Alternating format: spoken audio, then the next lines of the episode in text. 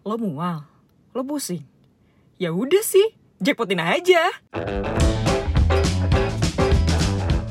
Oke, kembali lagi di podcast Jackpotin. Keluarin aja nggak usah dipendam. Salah satu podcast yang mengusung asik, mengusung di mana kita harus mengeluarkan unek-unek kita, nggak usah dipendam nanti stres sendiri. Jadi kalau misalnya lo mau sambat, mau apa dengerin aja podcast gue, mungkin akan ikutan sambat juga atau eh, bukan ngeluh sih, kayak ya udah keluarin aja unek-uneknya. nah, sekarang eh, gue mungkin akan membahas suatu hal yang memang agak serius dikit sih sebetulnya. Dan gue nggak sendiri, gue ditemani oleh salah satu senior gue, ngapa ya, gue panggil senior ya. Hai Kaolin.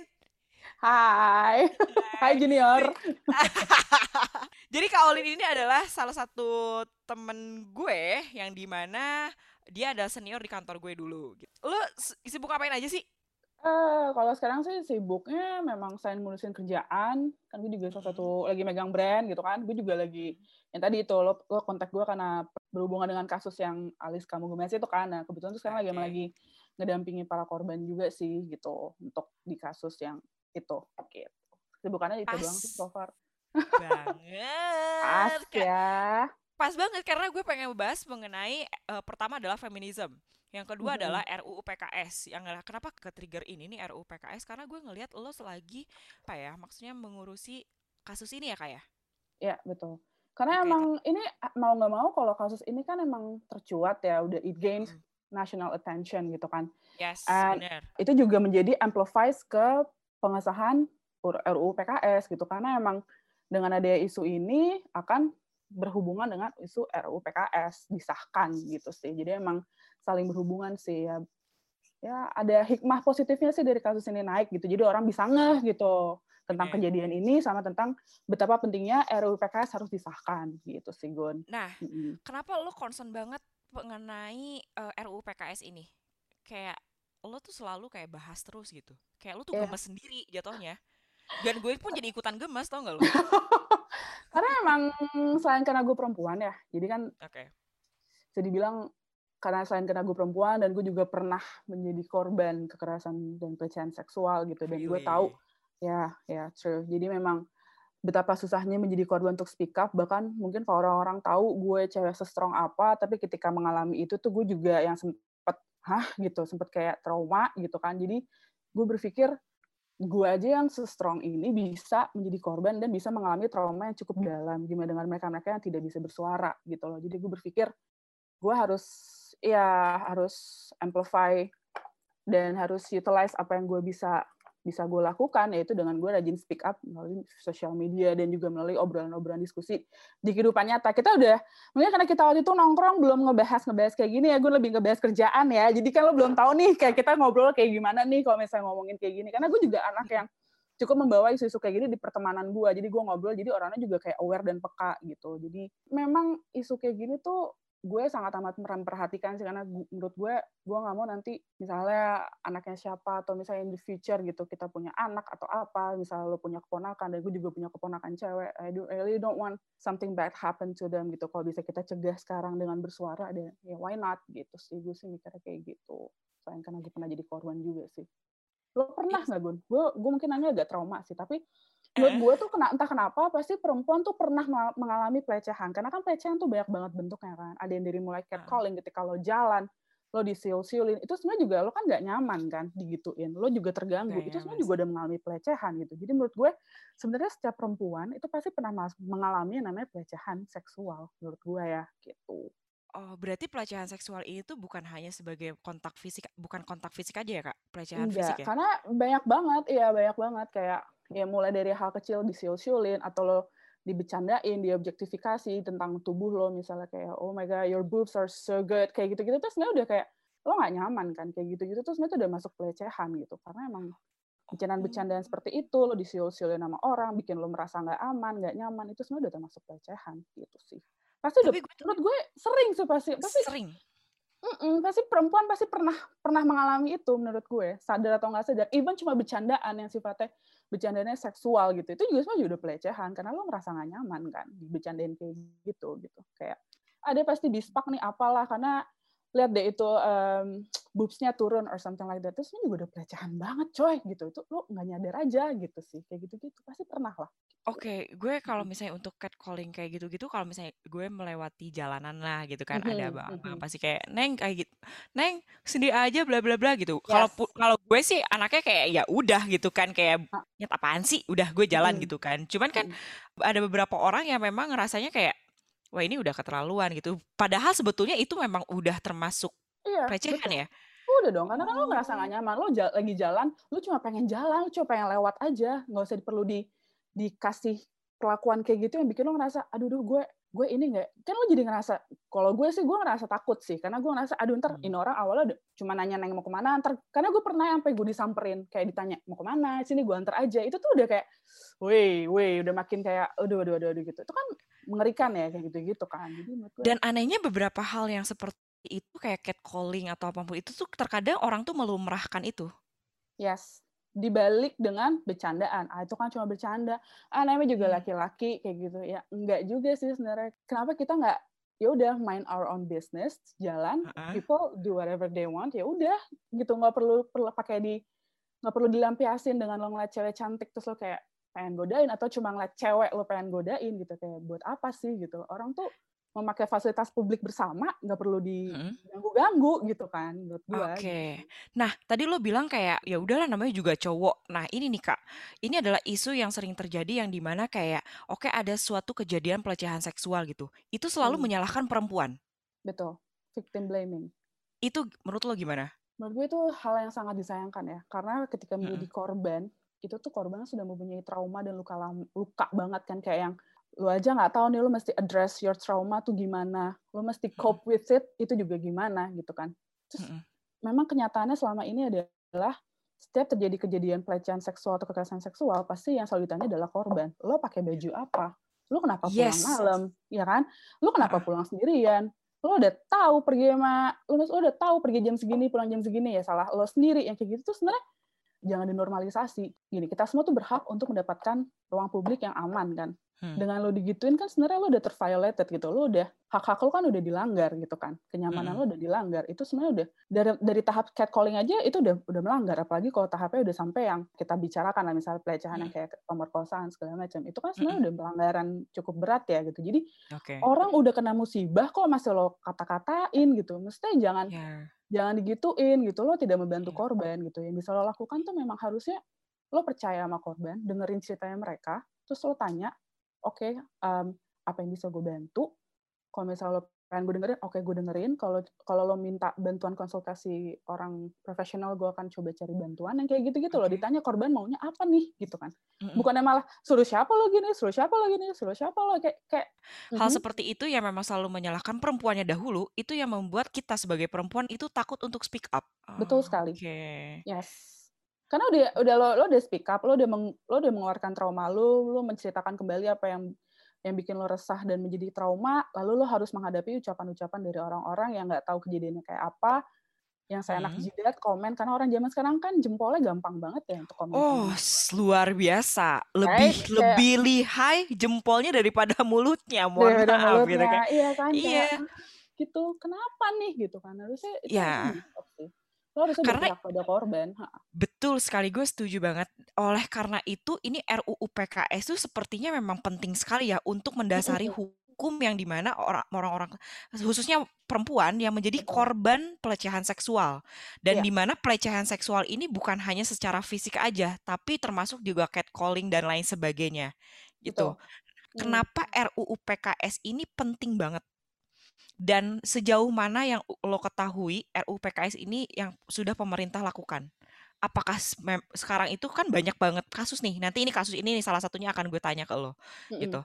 Apakah sudah concern terhadap hal ini pemerintah menurut pandangan lo ya atau bagaimana? Kalau concern pemerintah menurut gue masih kurang ya, karena Mm-mm. gini, kan kalau kita ngomongin soal kekerasan atau pelecehan seksual itu kan banyak banget ragamnya kan. Mm-mm. Kalau di hukum itu mungkin setahu gue ya, mungkin kita juga bisa cari bareng-bareng ya. Kalau untuk Mm-mm. pencabulan di bawah umur itu udah ada pasalnya, pemerkosaan Oke. juga sudah ada pasalnya. Tapi kalau untuk yang Mm-mm. lain bangsa kayak catcalling atau bangsa kayak eksploitasi seksual, perbudakan seksual kayak gitu-gitu tuh menurut gue itu belum ada gitu, belum ada pasalnya gitu kan. Jadi Perbudakan kayak seksual belum ada? belum ada, belum ada juga. Makanya itu akan ada di RUU PKS itu gitu. Jadi memang Ini kan ragamnya banyak.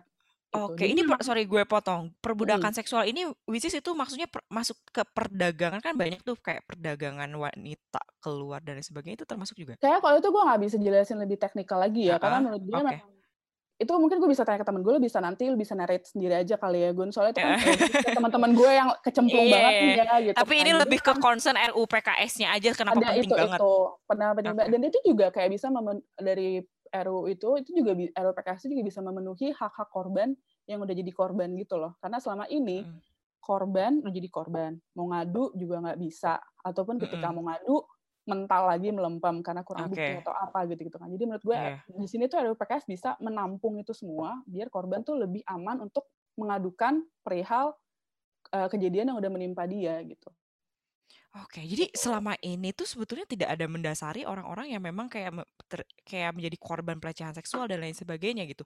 Bahkan s- catcalling pun dilumrahkan gitu. Kayak ya yes udahlah gitu. Dan paling dinormalisasi parah, yes, dan paling parahnya lagi kayak ketika ada seorang yang memang cewek nih ya, seorang perempuan yang memang terkena kayak misalnya menjadi korban salah satu korban yang pelecehan seksual ya malah kitanya sendiri gitu yang disalahkan. Itu menurut gue iya udah kayak betul ini nggak bener banget gitu. Betul, karena selama ini memang kenapa bisa jadi korban yang disalahkan karena memang para pelakunya juga nggak bisa dijerat dengan hukum yang setimpal gitu kan. Jadi orang Oke. menyalahkan korban aja kayak "Eh, ini tuh sebenarnya bisa dilakukan tindakan preventif kayak gitu-gitu. Tapi Mm-mm. nggak ada nggak ada orang yang mengundang orang untuk melakukan misalnya kayak misalnya misalnya gue berpakaian terbuka gitu kan. Emang gue minta gue dilecehin? Nggak juga dong. Enggak lah. Nggak juga dong. Misalnya gue pakai nggak usah berpakaian deh. Misalnya kayak I don't know, gue pakai lo pernah dengar em, gerakan Me Too di masjid kan, Me Too Mosque. I oh iya. Even lo ketika di tempat ibadah dan tempat aman pun lo juga nggak lepas dari kekerasan dan pelecehan seksual kan. Jadi masalah Iya. baju tuh udah nggak bisa nih, udah nggak bisa, Itu udah balik bisa. lagi ke pikiran si cowoknya itu, itu otaknya Exactly. gimana? Exactly. Jadi memang Oh, yang harus yang harus dilakukan adalah edukasi ke orang-orang biar orang-orang tidak melakukan hal itu. Justru itu Yang tindakan pencegahannya, oke. bukan tindakan pencegahannya. Lu keluar pakai baju tertutup dong. Hey, Oh baju tertutup enggak. aja juga kena nih gitu gitu. Iya, Jadi even kayak yang gue sempat baca berita bahwa ini perempuan tuh berhijab loh. iya, iya kan? Ba- bahkan Kayak kena kan ya gitu. iya bahkan kena juga gitu. Bahkan ada yang fetishnya, uh dibalikin tertutup gitu, gue pengen lihat di dalamnya apa ya penasaran. Kayak kan juga udah. Exactly. Kan? Benar. J- Jadi sebenarnya se- mindsetnya diubah gitu. Jangan yes. menyalahkan kayak hanya alatnya, medianya yang eh, si perempuan itu pakai, tapi coba tolong mindsetnya yang diubah gitu. Iya, pe- pencegahannya bukan di perempuan memakai baju apa, tapi pencegahannya adalah di pikiran orang-orang untuk bisa mengontrol, untuk nggak melakukan Oke. itu. Lo bukan binatang kok yang hasrat lo kalau nggak di kalau nggak dilampiasin rambut lo rontok. Karena kan kalau anjing di Iya, musim iya, kawin iya. nggak dilampiasin bulunya rontok gitu kan? Enggak kan? Benar. Lo bisa kontrol itu. Kan manusia katanya punya akal sehat kan? Dikasih Iya. akal sehat, makhluk sempurna. Mm-mm. Ya udah di diproses aja untuk tidak melakukan itu. Dengan apa ya? Dengan dikasih edukasi. Kalau sebenarnya nggak bisa nih kayak gini nih. Perempuan juga makhluk gitu. Jangan lo Iya. jadikan pelampiasan nafsu lo kayak gitu-gitu sih. Iya benar. Utama yang perlu diperbaiki di Indonesia ini adalah bukannya kayak eh, pembangunan dan lain sebagainya yang utama ya, tapi lebih ke edukasi, pendidikan dan perekonomian. Karena ketika Betul. lo ekonomi bagus, pendidikan lo juga bagus. Begitu juga ke- kebalikannya. Ya. nggak? Eh, menurut gue sih lebih ke pemerataan akses sih. Akses apa pun itu. Ah, Akses mendapatkan pekerjaan yang layak, akses mendapatkan pendidikan yang layak. Itu kan selama ini kan tidak tidak belum belum terjadi dengan baik belum ya gitu belum kan. merata Belum alhasil merata. edukasi mengenai pelecehan seksual dan sebagainya itu ada apalagi yang mungkin ya mungkin ke daerah-daerah sana ya misalnya ya misalnya kan eh, kita kita tahulah eh, edukasi di Indonesia ini pendidikan Indonesia itu belum merata gitu itu Mm-mm. mereka melumrahkan hal itu gitu karena mereka belum tereducate dengan dengan sepenuhnya gitu kan Tapi sebenarnya gue bisa bisa bisa kasih tahu juga kalau sebenarnya tidak hanya di daerah sih, bahkan di perkotaan juga angka kriminalitas terhadap perempuan itu juga tinggi kan. Jadi menurut gue memang, wow maksud gue memang ya semua yang disalahkan adalah justru subjeknya gitu, orangnya. Ya udah, oke lu oke mesti dikasih tahu kalau dari awal lu nggak bisa kayak gini nih gitu, dikasih nah tahu aja pemahaman gitu.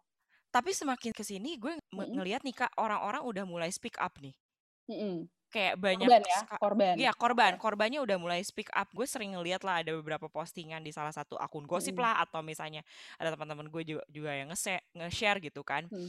Barusan terjadi pelecehan ke gue bla bla bla gue cat, apa di catcalling dan lain sebagainya. Udah mulai nih speak up nih Mm, gitu mm, kan dan kebetulan gue melihat salah satu isu nih karena sudah banyak orang yang aware dan orang itu korbannya terutama itu sudah mulai speak up gitu. Mm, siapa lagi? Dan bukan itu adalah isu mengenai alis kamu gemas. Itu gue Oke. amazed banget sih dengan orang itu gitu dengan Iya, laki-laki itu gitu. Kalau boleh tahu tuh orang udah berapa orang sih kak yang udah speak up Em, so far yang mengadu ke akun, tapi gue bukan admin ya. Gue tuh sampai sekarang heeh, nggak tahu adminnya siapa gitu. Cuman gue emang oke sering koordinasi sama dia kan. Kalau misalnya ada oke eh, eh ada korban baru nih minta didampingin, minta di minta didengerin. Oke, coba gue sh- apa share kontaknya biar gue yang kontak segala macam kayak gitu. oke Em, kalau misalnya nanti dia butuh konseling yang lebih lebih dalam lagi, lebih ahli lagi, gue akan arahkan dia ke teman-teman gue sih atau ke lembaga-lembaga yang memang menyediakan konseling untuk itu kan. Karena gue oke belum capable untuk ke situ. Gue cuma bisa baru dengerin kalau misalnya lo, bawa- lo mau bawa ini ke kasus hukum, gue bantu karena gue punya tim pengacara yang kayak gitu tuh. Gue masih gue oh jadi lu- ngedampinginnya kayak gitu, ngadvokasiinnya gitu kan. berarti lo adalah salah satu orang yang memang eh, lo mengurusi untuk kasus ini Yes, betul. Rata-rata itu kan melalui dating apps, jadi itu dari, dari, dari Yeah. tahun 2013-an lah itu korbannya pada pada mulai Oh, ngomong really? gitu kan.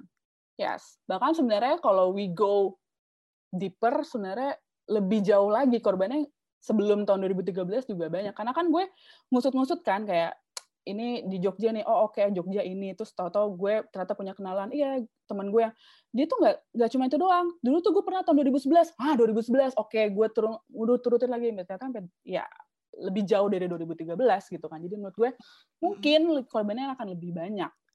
Sejauh ini yang sudah mengadukan dan berani ngomong ke akun itu adalah 200-an sih. 150 sampai 200-an lah gitu. ini sebenarnya dia itu ngapain sih kak Sebenarnya dia itu hmm, melalui dating apps, dia itu polanya Hah? sama. Jadi dia kayaknya semua dating apps tuh di swipe kanan ya sama dia ya. Kayak oke swipe kanan nih. Kalau orang kan masih ada scanning ya, screening dikit. Mm, mm, Hmm, mm. oke nggak ya? Hmm, misalnya ada yang zodiak banget, ah bintangnya ini nggak mau gitu. Misalnya dia tuh nggak kayak dia kayak semua swipe kanan nih. Karena teman-teman gue Oke. banyak banget aja yang kayak gue pernah match sama dia. Oh my god, gue pernah ngobrol. Oh my god, yang kayak gitu gue kayak oke gila semua temen cewek gue nih gitu kan. oke Terus jadi modusnya dia melalui dating app selalu match, selalu ngobrol, nanti dia akan bilang kayak dia mengaku bahwa dia S2 di antropologi UGM. dan ternyata tidak. oke Dia Jadi- S1 aja bahkan nggak lulus, dia di DO gitu atau ngundurin diri lah. Dia bahkan S1-nya aja nggak lulus gitu. oke Ya kan? S3 di Swiss.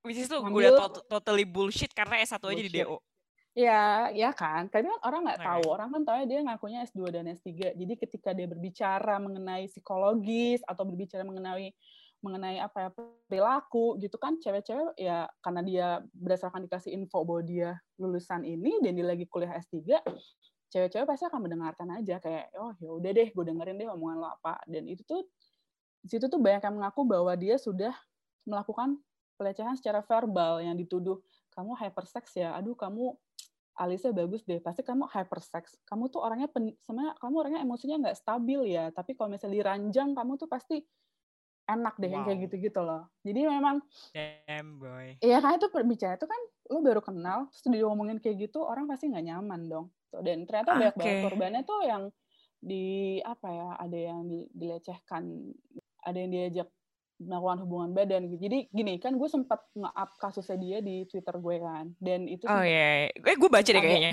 Oke. Ya sempat agak rame. Itu Oktober tahun lalu. Cuman gue waktu itu sempat bilang kalau gue nggak mau mengangkat kasus yang hubungan seksnya konsensual alias mau sama mau. Yang gue angkat adalah hubungan yang dia manipulatif dia merekam. Allegedly allegedly ya Mhm, terduga, mhm. terduga dia merekam hubungan seksnya itu tanpa tanpa eh, kemauan dari pihak ceweknya dia juga menipu dalam materi dia Hmm. juga ternyata dia menghamili cewek-cewek kayak gitu loh dia menyuruh Wow.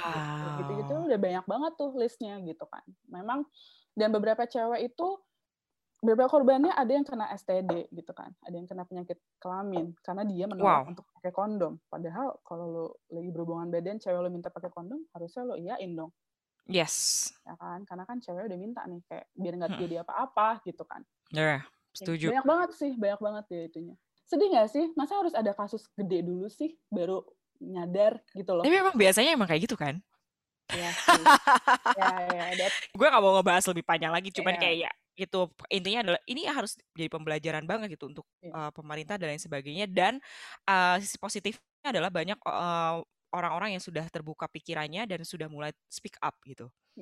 Gitu Sebenarnya kan? kalau orang tuh banyak berpikir bahwa RUU PKS tuh hanya untuk perempuan. Enggak juga. Enggak. Kalau ingat beberapa bulan lalu, tahun lalu lah, akhir tahun lalu sempat ada kasus jarit. Tahu gak sih lo yang cowok fetishnya oh iya yes yang kayak di apa dipocongin ya can we skip this topic and then we jump no no the trying to say is that uh, korban kekerasan seksual tuh nggak cuma perempuan karena kasus okay. yang jarit itu korbannya kan laki-laki dan akhirnya itu cowok okay. tersangkanya si G itu si Mas yeah. itu itu kan akhirnya dijeratnya dengan UU ITE gitu nggak nyambung Why? Why? karena dia dibilang Apa dia menyebarkan video-video anehnya itu tuh melalui Even WhatsApp. I don't know about the UU ITE is real or not. This, Jadinya kena oh UU ITE karena tidak ada UU eh, karena tidak ada UU PKS itu gitu. Kalau misalnya Aduh, apa hubungannya? Ya lo cari aja apa? deh. Itu dia jadinya tuh di iya karena dia menyebarkan video-videonya dia itu gitu dan dia gitu deh. Oke nih, tadi lu udah ngebahas mengenai kayak banyak banget nih dari mulai A to Z ya RUU PKS mm. ini kenapa penting banget, terus uh, kasus si Alis kamu gemas gitu kan. Uh, khususnya untuk handle kasus ini nih, mm. si Alis kamu gemas ini, lu tuh gimana sih sekarang? Kalau gue untuk kasus ini, gue lebih mengutamakan korban dulu ya. Maksudnya tadi okay. kayak tadi gue bilang, gue tanya korban lo maunya gimana. Kalau lo mau konseling, gue arahin nih ke lembaga-lembaga yang lebih proper gitu kan. Okay. Kalau ada ya, ada ya. Iya bisa kayak Yayasan Pulih, bisa okay. ke apa Ibunda itu bekerja sama tuh sama Ibunda Ibunda ada di akun Ibunda apa sih namanya gue lupa itu sih. Mbak Admin Mbak Admin yang bilang e, kalau misalnya ada yang mau korban yang mau butuh ini ada slot nih di ini. Coba gue cek ya Ibunda apa sih namanya? ibunda.id konseling dengan psikolog itu itu bisa. Oke okay kayak gitu itu atau ke Mbak Popi dari No Recruit List gitu. Jadi memang oh, okay. gua arahkan ke orang-orang yang memang lebih proper gitu kan lebih kompeten okay. untuk itu. Tapi kalau misalnya sekali lagi teman-teman jadi ada ada konselingnya ya tadi yang udah disebutin yes. sama Kak Olin gitu. Jadi kayak Betul. lo udah mau speak out atau lo uh, speak up atau konseling itu udah ada oke okay, mm, lanjut kak udah ada lalu uh, tapi kalau misalnya dia pengen ngebahas pengen ngebawa ini ke jalur hukum gue akan bantu dengan uh, resource okay. yang gue punya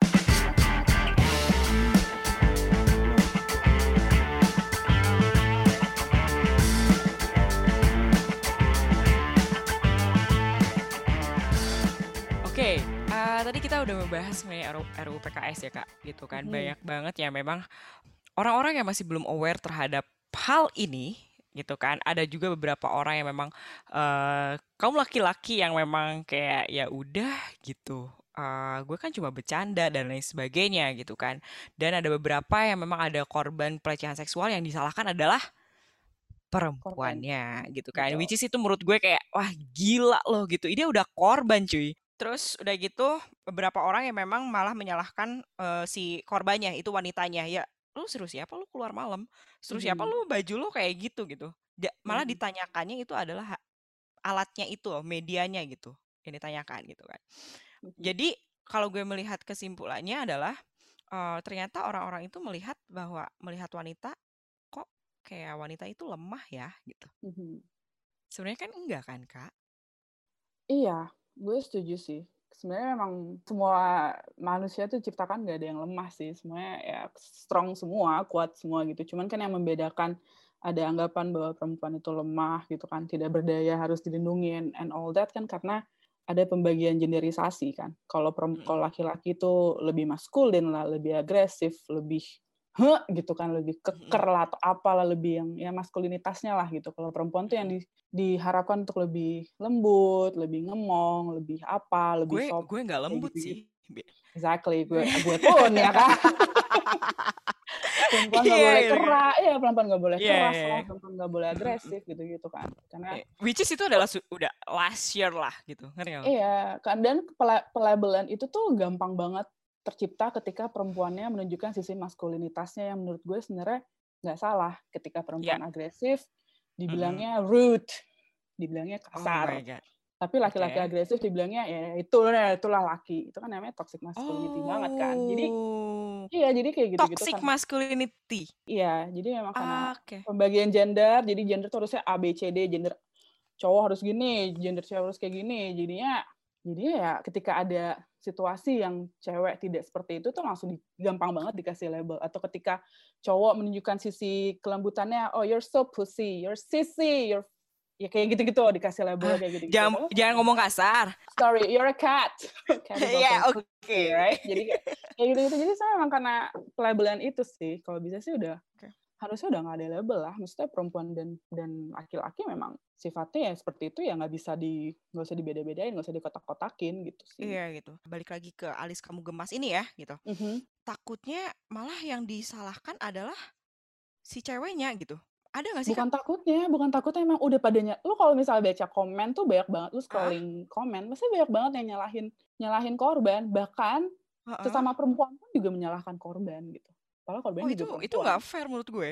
Iya, itu bukan gimana ya? Itu memang situasi yang kembali lagi kita harus harus rajin untuk menge- mengedukasi diri dan berusaha berempati terhadap Mm-mm. korban gitu kayak anyone can any one of us can be a victim gitu loh. Even Oh. even laki-laki juga gitu. Jadi menurut gue berempati aja sih, grow your empathy gitu. Kalau misalnya Ya. ada korban kayak jangan dijudge lagi, jangan dibego-begoin lagi gitu. Kita kan nggak tahu posisinya apa. Oh my god gitu. Sebenarnya Pelik, kalau bro, mis pelik banget. They're very iya very makanya complicated, right? Ya terkadang gue melihatnya Instagram ini kayak si cowok ini kayak kayak lucu gitu. Lu kalau mau ngebohong tuh yang taktis dikit gitu. Maksudnya kayak yang pinter dikit. Salah satu feed postingannya si Alis Kamu Gemas ini kayak aku baru bangun tidur jam 10.15 A- eh, aku mau otw kantor jam 11 siang kayak which is kayak hey you are CEO of something or apa gitu kan. Wow, Nah, pada saat itu. Dia ngakunya kan dia staff sus di Kementerian something, sedangkan Oh kita, benar, itu. kita semua kan tahu lah PNS, ASN masuk jam berapa kan? Gak mungkin lo baru Oke. masuk kantor jam 11. Kita Nggak aja di, mungkin lah pagi. kita waktu di media aja masuk jam 11 kalau tidak ditimpuk sama bos kita ya kan? Benar gitu kan. Informasi-informasi kayak gini yang orang cewek-cewek itu tidak tahu gitu loh, Bun. Karena dia Oke. he's very manipulative kan, kita gue bilang. Dia sangat pintar memanipulasi kan. Banyak orang yang memang masih memilah-milah ya udah ini karena wanita, ini karena pria gitu. Padahal sebetulnya adalah pria sama wanita itu sama. Jangan sampai terlihat bahwa ya udah terdoktrin wanita itu lemah, cowok Mm-mm. itu kuat gitu kan. Terus kalau misalnya ada apa-apa yang agresif, cowok cewek tuh nggak boleh agresif seperti kata lo gitu kan tadi. Iya, Terus kalau cowok ya nggak apa-apa karena namanya juga co- cowok gitu. Dan iya. timbullah yang di mana banyak sekali membahas mengenai feminisme kak. Mhm. Ya gitu Oke. kan. Itu Mhm. feminisme itu menurut lo tuh seperti apa sih? Karena gue sempat bebera- baca beberapa artikel Mhm. sih sebetulnya Coba, bahwa coba. Apa yang lo nah baca? ini ya. Ah, Oke, gue melihat ada beberapa kesalahpahaman feminisme yang sering orang lakukan gitu di Mhm. Indonesia terutama. Jadi Apa tuh con- katanya? contohnya adalah pertama, mitosnya feminis membenci laki-laki, tapi faktanya adalah feminis membenci laki-laki yang brengsek. Ini dari artikel. Ya, artikel Oh, yang oke. kedua adalah eh, mitosnya feminis harus lebih tinggi derajatnya dari laki-laki. Faktanya, feminis hanya menginginkan kesetaraan gender. Mhm. Oke. Terus yang ketiga adalah mitosnya feminisme melawan kodrat alami manusia. Faktanya, feminisme diciptakan untuk melawan kebodohan. Nah, Mhm. ini eh, menurut lo gimana nih? Kayak ada artikel yang eh, menurut seperti ini karena ada beberapa yang salah konsep nih, salah konteks nih, kayak salah alamat gitu, Kak. Jujur gue lebih setuju nomor tiga sih. Satu dua tuh masih debatable banget. Oke. Yang dibilang pertama apa feminis apa tadi feminisme apa tadi Harus lebih melawan tinggi derajatnya dari laki-laki. Iya, Faktanya, padahal sebenarnya kesetaraan kan, gitu kan. Jadi menurut yes, gue, oke. gue lebih itu artikel juga agak misleading sih. Coba yang pertama lo bacain lagi feminis kenapa? Oke. Feminis? Feminis membenci laki-laki mitosnya. Faktanya feminis membenci laki-laki brengsek. Ini ini ini questioning banget. Ini kayak mau That's feminis membenci. Hey, sorry, kayak ban- sebetulnya kayak bukan feminis aja yang membenci laki-laki brengsek gitu. Kayak Ya semua orang cuy, gue nggak suka juga gue membenci, gue juga nggak suka gitu sama laki-laki brengsek gitu. Itulah anyway kayak ada beberapa artikel yang membahas mengenai feminisme, cuman gue melihatnya adalah kayak kok agak ada yang rancu, ada yang benar gitu kan. Kayak contohnya ini ada lagi satu lagi di terakhir ini, ini kayak menarik nih. Femin, mitosnya feminis tidak percaya pernikahan. Faktanya feminis tetap bisa membangun keluarga dengan ikatan pernikahan yang berbeda. Which is ini adalah kayak gue nggak tahu ini jalurnya ke mana gue gue lebih condong ke yang feminisme tuh mengajarkan soal kesetaraan sih gitu. Mm-hmm. Karena memang bukan hanya memperjuangkan kesetaraan wanita gitu, perempuan, tapi juga memperjuangkan kesetaraan pria gitu. Kayak mm-hmm. gini deh, contohnya I'm gonna put it into a context. Um, contoh misalnya Ical deh, Ical kena recehan gitu kan. Mm-hmm. Terus Ical misalnya lagi naik KRL terus digrepe gitu. Terus mm-hmm. Ical tuh kayak bingung, gue gue tuh kena pelecehan gitu. Tapi karena konstruksi sosial menganggap bahwa lo cowok tuh lo nggak bakal bisa kena pelecehan karena lo kuat, karena lo strong gitu kan. Jadi dari kalau cowok bilang, juga nggak mungkin lah justru pelakunya cowok. Enggak juga, no, oh, jangan, jangan sejauh itu, jangan sejauh itu. Tuh kan. ke titik aja di mana kalau uh, cowok tidak bisa menjadi korban kekerasan seksual gitu. Bahkan okay. Okay pasti ketika Ical bercerita ke temennya, temennya akan ngomong, nyet itu rezeki kali sikat. Kayak gitu-gitu kan banyak banget tuh. Pasti di tongkrongan eh. tuh ada banget yang kayak gitu. Padahal sebenarnya Ical tuh mengalami trauma gitu.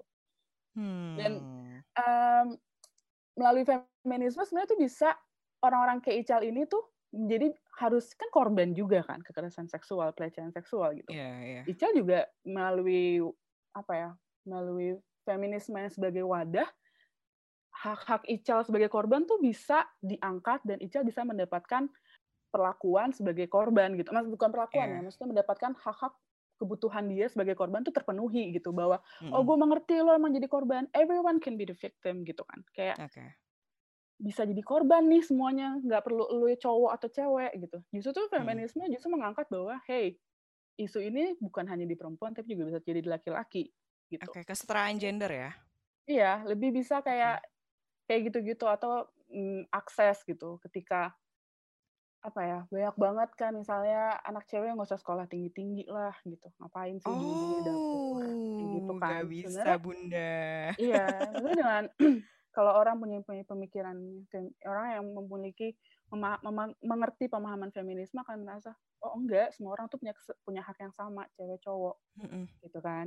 Mm -mm. ya gitu gitu jadi emang lebih gue lebih suka artikel itu nomor tiga tuh yang tentang kesetaraan karena satu dua tuh very very misleading tidak suka laki-laki okay. tapi laki-laki brengsek berarti sebetulnya adalah uh, gue sempat baca juga di salah satu portal juga bahwa feminisme itu adalah persamaan hak dalam hal politik ekonomi personal dan sosial dapat diartikan dalam ideologi yang luas jadi yes. intinya adalah persamaan hak itu mau iya. cewek yeah. kayak mau cowok kayak itu adalah iya. sama gitu kan. sama, kan. Cuma kalau di Indonesia ini, ini menarik nih kan. Cuma kalau di hmm. Indonesia you know lah, uh, we have a kayak religion or something dan lain sebagainya gitu kan. Memang ada pembahasan yang di mana kayak itu menyalahi kodrat gitu. Gue nggak bisa bahas soal religion ya, Gun, karena kan jangan jangan. Tapi ada beberapa religion. yes, ya, ada beberapa orang yang masih kayak masa itu menyalahi kodrat dan lain sebagainya. Kalau menurut gue kodrat itu kodrat tuh apa sih gitu? Siapa sih? Maksudnya gue kalau ngomong soal agama gue gak akan menyentuh itu. Karena menurut gue yes setuju. that's not my expertise ya. Terus kedua yes. um, kodrat tuh kembali lagi kodrat itu ada karena ada perbedaan pelabelan genderisasi itu yang gue bilang. Cowok tuh yeah. mesti gini cewek mesti gini. Makanya secara nggak hmm. langsung ada uh, pesan-pesan tersirat yang bilang oh ya jadi kodrat lo cowok begini, kodratnya cewek begini karena pembagian tugas hmm. tersebut berdasarkan gender. Itu menurut gue. Okay. Dan itu sebenarnya ya nggak bisa juga. Jadi kalau misalnya pembagian kodratnya ya semua cewek di rumah aja dong, gitu kan. Semua cewek ngurus anak doang dong. Bagaimana dengan mereka yang tidak bisa punya anak atau Even tidak sekarang gue juga ngerjain pekerjaan cowok kok. Ya, betul. Iya, uh -uh. maksudnya bagaimana dengan maksud gue dengan kayak pembagian pelabelan pembagian generisasi itu tuh sebenarnya udah menyulitkan ya dan itu harusnya udah nggak ada iya. aja karena perempuan bisa menjadi hmm. apa pun yang dia mau laki-laki bisa mengerjakan apa pun yang dia mau gitu yeah. kayak nggak mungkin kan gitu. lo di kantor kayak cowok lebih gede gajinya daripada cewek itu ada itu Hah? ada itu ada If ada ada itu tuh ada oh my god gue harus browsing sih ada nih contoh ada. aja nih karena gue juga dulu eh. atlet kan oke oke oke dua tahun lalu uh, federasi Persatuan Federasi Sepak, Sepak Bola Wanita di Amerika itu meminta upah yang setara dengan atlet-atlet bola, sepak bola yang ada di Amerika. Mereka mau upahnya sama. Karena apa? Satu, cewek-cewek atlet bola itu lebih berprestasi. Mereka berkali-kali juara Piala Dunia perempuan, memang hmm. Piala Dunia okay. wanita. Mereka lebih hmm. berprestasi. Piala Dunia okay. eh, dengan timnya Amerika entah ke mana gitu kan. Jadi okay. tapi gajinya lebih tinggi. Kayak gitu-gitu. Itu tuh udah terlihat dari dari segi-segi kayak gitu. Padahal lebih menghasilkan, lebih berprestasi itu siapa sih? Ya tim cewek. Kenapa gajinya lebih kecil? Kayak gitu-gitu. Hmm itu udah banyak banget pembahasan kayak gitu bahkan di kantor-kantor juga ada lo cari aja deh itu banyak banget artikelnya kok yang sedang diperjuangkan gitu itu dia oh, makanya gitu. feminisme tuh perjuangannya banyak sekali tidak hanya soal ini tidak hanya soal yang sedang kita bahas pelecehan seksual banyak kayak tadi lo bilang ekonomi um, sosial. status kelas kelas-kelas lah segala macam pendidikan akses ini itu itu semua tuh yeah setara vote bahkan akses untuk apa iya iya benar-benar memilih kayak gitu-gitu uh. tuh juga diperjuangkan gitu. Jadi Karena banyak banget aktivis-aktivis yang memang ya termasuk kayak artis. Kalau nggak salah Emma Watson ya, dia juga Emma Watson, salah satu hmm. apa tuh namanya feminisme juga gitu. Yeah. Maksudnya adalah feminisme ini penting sebetulnya menurut gue karena lo jangan meremehkan ketika ada suatu pekerjaan di kantor nih misalnya gitu kan. Ah, lu cewek lo nggak bisa. Mm-hmm. Gue sempet kayak gitu. Iya. Yeah. Kesel kan? Gue sempet. Kesel. Karena yeah ya apa bedanya cuy kayak iya. itu karena dia cowok gue cewek gue nggak bisa ngelakuin pekerjaan itu gitu karena itu namanya, apa ya itu namanya seksisme tuh oh beda lagi ya ada lagi sebutan kayak gitu yang menganggap bahwa perempuan inferior tidak bisa melakukan pekerjaan laki-laki gitu misalnya itu oh itu lebih ke seksis ke seksisme, seksisme. iya oh, asumsi okay. berdasarkan gender itu seksisme misalnya lu disuruh apa lah saya misalnya disuruh bikin project gitu ternyata projectnya uh. tentang mineral atau oil yang kelak uh. yang biasanya itu di ranahnya laki-laki itu sulit dan uh. ah dia nggak bisa lah kan dia cewek itu udah seksisme lo lo harus marah sih digituin kayak lo emang ke, okay. emang kayak gini-gini dilihatnya berdasarkan gender bukan berdasarkan kompetensi gue gitu oke okay. oke okay. berarti kalau feminisme itu adalah lebih ke how to treat a human equally it uh, between woman or man and man bisa itu kalau secara okay how to simplify the definition ya itu ya bisa juga lah kayak begitu. Oke. Okay. Gitu. Karena sebetulnya adalah ya sebenarnya ini relate banget sih Kak antara kayak hmm. kesetaraan gender sama dari uh, relate ya sih kalau menurut lo kayak dari mulai kayak kasus-kasus pelecehan seksual karena beberapa orang banyak banget yang memang melihat tuh kayak perempuan tuh lemah dan lain sebagainya gitu. Apakah itu bisa direletkan? Bisa, bisa. Bisa. Oke. Karena banyak banget kasus-kasus kayak misalnya pacar nih gitu kan, hmm. pacaran terus, sama cowoknya, tapi dia nggak mau speak up karena takut gue sebagai cewek nanti dianggapnya ini ini gitu. Sebenarnya itu ya udah setara aja gitu kan. Kayak lu mau cewek kayak mau cowok lu speak up speak up aja gitu. Bukan setara kali ya Gun kata-katanya ya. Maksud gue Apa memang tuh? kalau contoh lo tadi sih mungkin bisa dibilang kayak ya udah masalah ini ada, siapa pun bisa terjadi, uh bisa kena okay. nih, bisa dapat masalah kayak gini, uh-uh. tanpa memandang uh, jenis kelamin sih, tanpa memandang gender. Kayak yang tadi oh, gue bilang, kalau okay. kekerasan seksual bisa terjadi juga nih di, laki-laki, nggak cuma di cewek gitu. Although lebih banyak kasusnya terlihat secara statistik tuh di perempuan gitu. Okay. Gitu. Karena ya Mungkin, ini gue juga nggak tahu, ini mungkin cuma asumsi gue, karena cowok-cowok kalau begitu kena pelecehan seksual, mereka akan diem. Karena hmm. mereka takut dengan stigma bahwa, niat lo kan laki, kali deh lo di grepe-grepe lo nggak suka, kayak gitu-gitu loh. What? Itu ada banget kayak gitu pasti. gitu. Jadi menurut gue, semua tuh bisa, kejadian kayak gitu bisa kejadian ke siapa aja gitu. Oke. Ini gue baca artikel lagi nih. dari bib oke okay. oke okay, dari itu ya kan uh-huh. jadi intinya adalah banyak lapangan pekerjaan yang masih tidak ramah untuk ibu-ibu serta posisi kepemimpinan teratas dalam perusahaan di pemerin eh, baik pemerintahan atau perusahaan masih didominasi oleh laki-laki. Betul. Kedua, di negara berkembang banyak anak-anak perempuan yang putus sekolah dan akhirnya menikah dengan karena orang tua mereka melihat anak perempuan tidak bisa menguntung eh tidak menguntungkan dari segi investasi ekonomi. Masih ada? Masih banget lah, banyak banget Bun, banyak banget. Itu mah masih ada banget itu. lu lu, udah, lu udah kayak udah emosi nih. iya, udah kayak iya karena emang masih banyak banget menganggap bahwa kalau anaknya laki nanti disuruh kerja, anaknya cewek disuruh kawin gitu. Banyak banget gitu. Kayak oh. it is still ya itu masih banget terjadi pernikahan kayak gitu pernikahan anak lah masih banyak banget kayak oh emang ini ya kayak uh, banyak negara termasuk Indonesia nih yang masih memperbolehkan pernikahan di bawah umur yang nantinya akan memicu KDRT dan kemiskinan. Indonesia sebenarnya udah enggak sih. Indonesia tuh sudah memberikan batas bahwa uh, minimal umur menikah itu 19 tahun. Tadi 16 tahun. Tapi memang pada praktiknya tetap ada kejadian pernikahan anak. Tetap ada, tetap ada yang orang tua yang menyuruh anaknya begitu udah dapat, udah dapat height gitu, oh, udah lu nikah aja lah gitu. Udah, ini termasuk ha, termasuk uh, hal untuk yang memang kita perjuangkan untuk feminisme ya kak kayak yang diperjuangkan salah satunya itu ya Iya, betul. Oh, Oke. Okay. Lu tahu nggak ada berita yang baru bahwa ada salah satu WO yang memang mengusung pernikahan anak? What the fuck ini this kind of stupid thing, you know? Ini sebenarnya gue ngelihatnya gue lo gue gak tahu ya, cuman gue diem untuk isu itu karena menurut gue, nih gue pendapat gue pribadi ya, mm Itu isu Seorang muncul, Caroline Putri ya. isu ya yang suka teori konspirasi ya. Yeah, itu isu, muncul, isu itu muncul ketika ada kasus mengenai korupsi bansos dan korupsi jiwasraya. Jadi menurut gue itu isu itu pengalihan banget. Karena website-nya juga baru gitu. dibikin. Iya, okay. website-nya baru dibikin, Facebook-nya juga baru dibikin. Jadi menurut gue enggak nih ini kayak ada sesuatu di balik ini yang bikin orang-orang ributnya ke isu ini bukannya ke isu yang lebih krusial. Jadi menurut gue, makanya gue nggak gue nggak bicara apa-apa terlepas hmm. memang pada praktik dan kenyataannya bahwa pernikahan anak itu memang masih banyak terjadi gitu.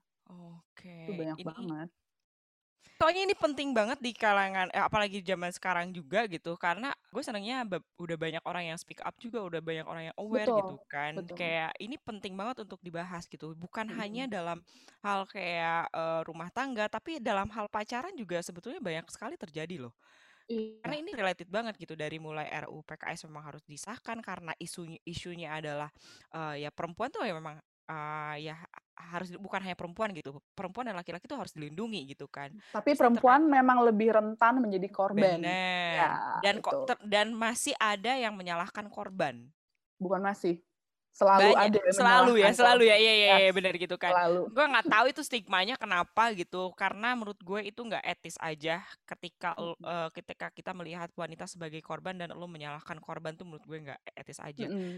gitu dan ngerelate ke hal yang feminisme tadi gitu bahwa kesetaraan gender ini perlu gitu bukannya untuk kayak apa ya tapi ibaratkan ti uh, jangan sampai memetakan bahwa wanita tidak bisa mengerjakan pekerjaan laki-laki. Ya, salah satunya itu, betul. Salah satunya itu gitu. Betul, itu yang diusung. Betul gitu. Jangan sampai kayak aduh, uh, lu soalnya gue sempet kayak lu cewek, lu nggak bisa. Udah lu cewek hmm. diem aja.